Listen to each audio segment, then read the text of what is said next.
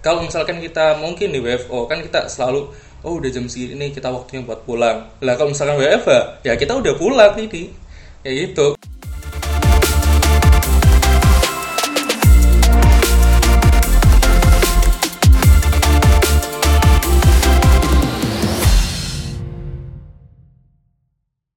Hai Elevate Squad, welcome back to Elevate Podcast tentunya di segmen E-Pop, Elevate Pop.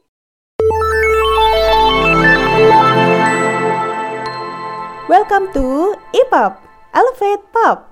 Hai Elevate Squad, welcome to E-Pop, Elevate Pop. Di sini kita akan membahas tentang hal-hal yang sedang tren dan ramai diperbincangkan. So, let's go. Nali, balik lagi bareng aku Reja. Setelah sekian lama, uh, hari ini kita akan bahas tentang topik yang relate banget sama sebagian dari kita, yaitu WFH dan WFO. Pastinya aku nggak sendiri, di sini aku temani sama hmm, siapa aja ya. Hmm, langsung lanjut aja deh. Oleh Elang, mahasiswa desain semester agak akhir karena masih magang di sini dan nantinya masih ada proses terakhir yaitu skripsi kayak gitu. Wah, udah tapi skripsinya? Belum lah mas. Jadi udah atau masih proses magang dulu? Masih masih belum ini. Magang. Jadi magang dulu ya. Paling ya masih ngintip-ngintip dulu ya apa skripsinya kakak tingkatnya kayak gimana teman-teman atau yang lainnya ya pokoknya fokus di magang dulu lah kayak gitu. Berarti ini kamu magangnya lagi uh, eh, WFH, WFO, kan ini lagi pandemik nih? Mau lagi WFH dari mulai internship sampai sekarang tuh nggak tahu nih rasanya WF tuh kayak gimana gitu.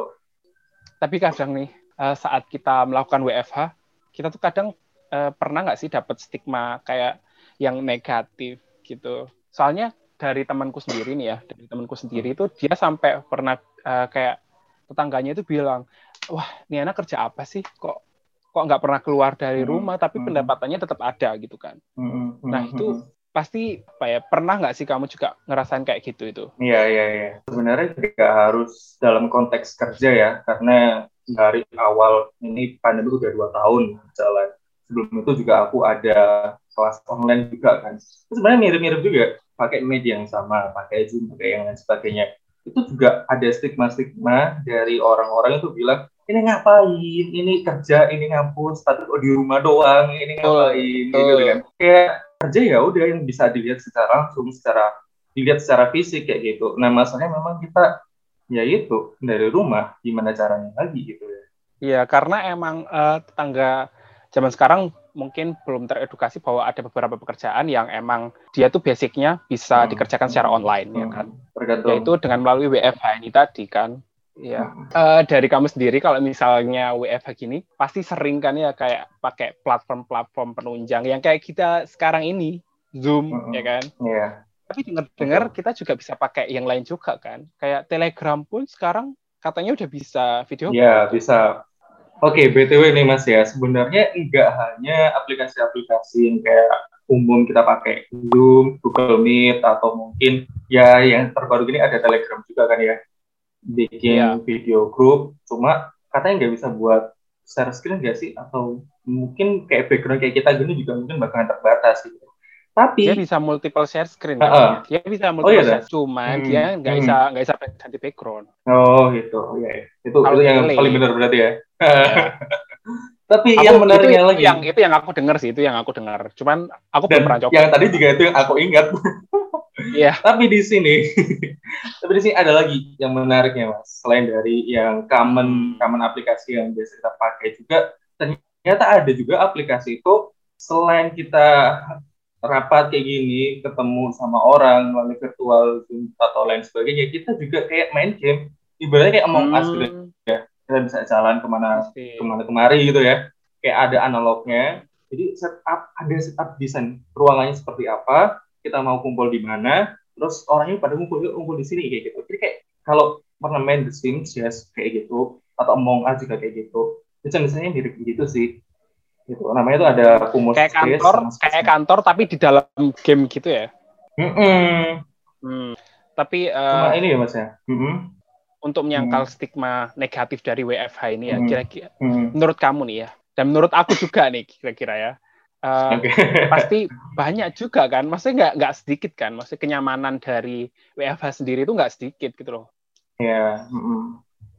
memang ya kan? mungkin kemungkinan sih. Mm -hmm Kayak misalkan, hmm. ya nggak semuanya pekerjaan itu sama kayak kita. Lingkupnya kita memang bisa di industri kreatif. Kita bisa bekerja untuk WFH, bisa untuk uh, apa namanya uh, pakai virtual Zoom dan lain sebagainya. Cuma kalau misalnya yang benar-benar harus terjun ke lapangan juga itu yang sih yang memang masih dilema sih, masih masih atau mungkin para ini para teknik-teknik yang lainnya anak-anak teknik anak-anak yang bisa buat aplikasi yang bisa membantu untuk gimana caranya mereka biar bisa orang-orang semua itu bisa ini bisa jadi adaptasi gitu di lingkungan yang baru ini. Jadi ada beberapa survei nih, beberapa hasil survei, hmm. aku bacakan aja ya, mungkin uh, dari uh, keefektifan dari WFH dan WFO ini. Jadi mungkin bisa aku, aku terangin aja ya. Jadi ada uh, beberapa nih. Kayak 59% mengatakan bahwa mereka memiliki lebih banyak rapat sejak beralih ke WFH. Dari Elang sendiri, menurut kamu benar nggak sih? Lebih banyak rapat ketika WFH? Lebih banyak nggak rapat ketika WFH. Pengalaman untuk WFH sendiri itu sebenarnya agak terbatas. Ya mungkin nanti kita bisa sharing aja. Kalau ngitung dari uh, apa namanya jumlah rapatnya sih kayaknya ya masih ini sih ya masih normal-normal aja kayak gitu. Masa mak maksudnya gini, dengan dengan WF gini tuh kita udah mudah untuk koordinasi kayak gitu. Kita bisa uh, enak buat maksudnya kalau misalnya butuh hubungi siapa hubungi siapa udah ada di depan kita maksudnya tinggal ngomong lewat telepon atau yang lainnya karena kita sudah harus untuk aktif untuk bisa uh, apa namanya memperlancar komunikasi lewat alat-alat ini lewat teknologi ini gitu. Mungkin karena uh, kita agak susah berdiskusi juga karena kita WFH jadinya uh, banyak uh, banyak juga ya. Mesti le dikatakan lebih banyak rapat sejak beralih ke WFH itu karena mungkin uh, diskusinya kurang hmm. diskusinya kurang. Soalnya hmm. biasanya kalau kita WFO kan kita lebih sering diskusi. Kalau ada apa-apa diskusi. Kalau ada apa-apa mesti diskusi langsung kan. Kalau misalnya WFH kan nggak bisa. Kan harus mungkin di chat dulu dan kadang kita juga nggak balas chatnya, nggak baca chatnya, akhirnya kita apa numpuk-numpuk akhirnya kita melakukan rapat rapat rapat terus yeah. terus, terus mm -hmm. gitu. Iya, yeah, jadi kalau dari aku sih Mas ya, hmm, apa namanya melihat konteks kita bahas perihal rapat di waktu WFH kayak gini, terbilang cukup banyak sih ya bahkan kalau dari kita sendiri kan tiga kali tuh dalam sehari juga kan ya. Tapi memang kayak memang diharuskan gitu. Apalagi kita nggak bisa ketemu secara langsung gitu. Koordinasi juga harus melalui handphone melalui video call dan lain sebagainya kayak gitu ya. Jadi kayak masalah komunikasi kan ya yang sekarang ini uh, apa namanya betul, harus benar-benar terpecahkan ini. Iya, makanya wajar sih menurutku. nggak nggak nggak ketemu langsung ya karena kita emang nggak ketemu langsung jadi mm -hmm. harus sering-sering ada komunikasi. Dengan cara ya rapat nah, nah uh, mana lagi. betul. Padahal apa namanya waktu kita ketemu aja kadang kita masih ada miskomnya kan ya. Apalagi kalau misalkan melalui perantara ada medianya. Jadi menurutku sih memang wajar sih kalau misalkan harus ada uh, apa namanya extra time untuk membahas untuk koordinasi untuk uh, rapat gitu. Jadi terkesan lebih banyak sih. Mau tentang WFH nih lang Eh, sekarang yep. kan banyak ya pekerjaan hmm. yang udah mulai beralih dari WFO ke WFH, ya kan? Hmm. Uh, kira-kira uh, nggak cuma desain juga kan? Kira-kira hmm. apa aja sih selain desain, skupnya? Selain desain hmm. yang bisa dilakukan yang, secara yang bisa buat WFH, WFH gitu, ya? gitu loh, iya. Hmm, hmm, hmm, hmm. Kayaknya memang sebenarnya lingkup untuk uh, apa namanya untuk WFH ini bisa juga kayak perpediaan enggak sih? Ya mungkin uh, selain desain ya, mungkin ada kayak hmm uh, content writer, content writer, hmm. video editor. Bisa, Pastinya ya. kalau dari hmm. aku sih hmm. uh, mungkin uh, pekerjaan-pekerjaan yang sifatnya kreatif ya kan. Itu hmm. pasti pasti bisa dilakukan secara WFH. Hmm. Tapi kalau misalnya pekerjaannya mengharuskan kita datang ke kantor, nah itu yang menurutku agak iya. susah juga. Tapi ya. iya, tapi meskipun meskipun apa namanya tadi dibilang adalah kreatif ada juga sih mas yang lainnya. Misalnya kayak kan konsultan untuk uh, psikolog misalnya mm-hmm. itu juga ada ada ya, yang bisa, bisa, gitu bisa, kan. bisa, bisa. Kan ya. Jadi banyak sih ya sebenarnya sekarang gitu. Intinya sekarang sudah ada halodoc dan kawan-kawannya ya kan? Iya betul. Ya. kalau dari Mas Reja menurut Mas Reja nih ya uh, udah berjalan 2 tahun kita pandemi kayak gini.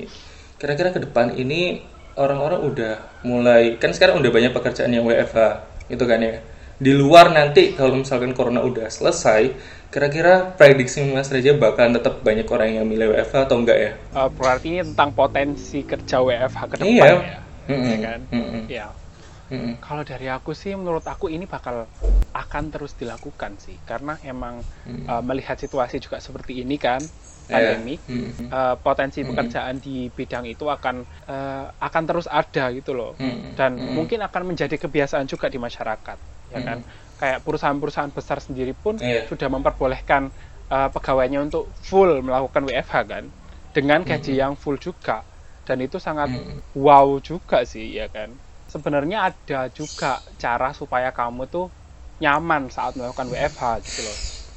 Nah, Nah, itu kayak bagi tipsnya misal- tuh ya apa? Tips-tipsnya ya kurang lebih ya. Misal eh, Hmm. kamu bisa tata tata meja kamu supaya rapi. Dengan meja kamu Hmm. rapi kamu akan eh, lebih eh, lebih fokus untuk bekerja. Soalnya saat kita melakukan WFH WFH ya dengan tanpa Hmm. distraksi nih. Ya Hmm. itu juga salah satunya tuh ya kan? Kalau bisa kamu juga nggak nggak apa nggak cari tempat yang eh, nggak cari tempat yang distraksinya banyak. Jadi mungkin di kamar kamu dengan kamu ngunci pintu udah selesai ya kan style musik ya kan juga bisa style musik yang eh, bisa meningkatkan mood gairah eh, kerja Hmm. kamu juga bisa dan pastinya juga internet ya kan internet Nah, itu sih memang. internet juga jangan sampai lelet pak ya, internet juga Males sampai banget sih lelet. memang. Kalau misal iya, Soalnya kan- apalagi kalau misalkan rapat, Iya. waktu presentasi, internet lost connection, beh, Hmm. itu ngeselin sih. Iya, apalagi dengan survei tadi kan, kita kalau misalnya WFH kita Hmm. kebanyakan pasti eh, melakukan rapat dan rapatnya kan otomatis Hmm. pasti lewat Zoom, lewat Telegram itu tadi, lewat Gmeet kan otomatis internetan juga harus lancar ya kan. Hmm. Karena kamu fokus juga kan, fokus dengan pekerjaan, kamu juga nggak boleh melu- me- melupakan istirahat juga ya kan. Soalnya biasanya kita kan kalau misalnya udah fokus kerja, kita lupa akan istirahat ya kan, dan akhirnya ya kita sakit. Apalagi iya, apalagi di rumah pula gitu loh. Maksudnya Hmm. yang aktivitasnya itu ya udah se fleksibel mungkin itu gitu. Iya. Jadi ya udah kayak misalnya ya kita bisa aja bekerja di tempat istirahat kita misalnya kayak gitu sambil santai-santai. Kadang ternyata lupa waktu karena kalau misalkan kita mungkin di WFO kan kita selalu oh udah jam segini kita waktunya buat pulang. Lah kalau misalkan WFH ya kita udah pulang ini. Ya gitu, kita memang Ya. kerja sambil udah di rumah kayak gitu sih. Kalau misalnya lihat kondisi yang sekarang ini sangat dianjurkan sekali gitu untuk WFH untuk meminimalisir penyebaran itu tadi ya. Tapi kamu eh, selama di rumah tetap melakukan protokol kesehatan kan? Kalau di kos ini iya sih, ya meskipun nggak selalu harus kayak misalnya di luar, karena ya gimana, yang kayak tadi aku bilang, di kos sepi amat, cuy, ya ampun, Iya. lumayan sepi sih. Iya. Tapi tetap ya I untuk feel semuanya, untuk semua, untuk semuanya tetap sih ya, ya prokes harus ya selalu dijaga, apalagi kalau misalkan ketemu sama orang, apalagi kalau misalkan mau keluar keluar kayak gitu. Ya, akhirnya kita udah ngomongin banyak banget ya, Lang. Mm. Eh, mungkin eh, kita pendinginan kali ya, main games-games gitu kali Apa ya. tuh? Oke, kirain stretching Ya, mau punya apa gitu. Oke. Ini aku punya games nih, namanya This or That ya. Oke. Jadi ini kamu harus jawabnya harus cepat. Oke. Nggak boleh pakai mikir, ya kan? Oke. Mm-mm. Oke, aku mulai ya. Oke, Eh, yuk.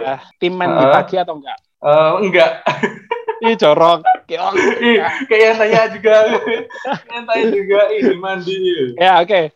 Zoom pakai HP atau laptop? Pakai HP. HP. Hmm. Berarti nggak pernah nyalain kamera ya kamu? Ya, ini sekarang pakai laptop, cuma enak HP sih, efisien.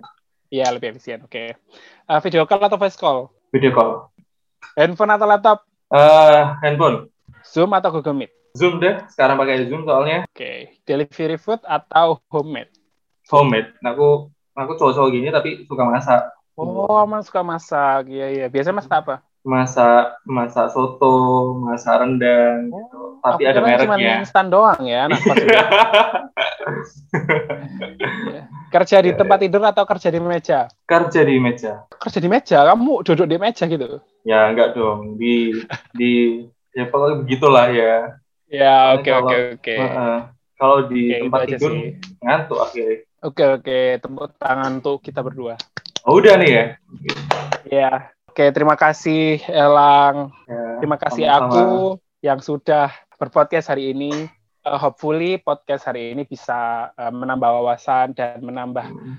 pengetahuan teman-teman yang penasaran akan yeah. uh, suka dukanya WFH ya kan. Tadi juga kita udah share tips-tips juga ya Lang ya. Betul. Ya seenggaknya kalau apa namanya selain dari edukasi yang mungkin bisa menghibur bisa yeah, dapetin sudut pandang lain seputar WFH, seputar uh, WFO gitu sih ya. Iya, itu aja sih dari aku dan Elang. Uh, selebihnya kita mohon maaf dan see you. Bye bye. Wah, akhirnya selesai juga podcast kali ini. Relate banget gak sih sama kalian? Karena emang kondisi saat ini yang mengharuskan untuk WFH, kita tetap bisa produktif nih, seperti tips-tips yang udah kita bahas tadi. Meskipun kadang stigma orang lain tentang WFH itu lebih santai karena bisa rebahan atau nyemil, nyatanya kita juga tetap bisa memaksimalkan performa kerja untuk hasil yang terbaik dan mengutamakan client satisfaction. Kalian gimana nih Elevate Spot? Lebih suka WFH atau WFO? Komen di bawah ya. Terima kasih udah dengerin Elevate Podcast sampai habis. Jangan lupa like dan share ke teman-teman kalian ya. Semoga menginspirasi. See you.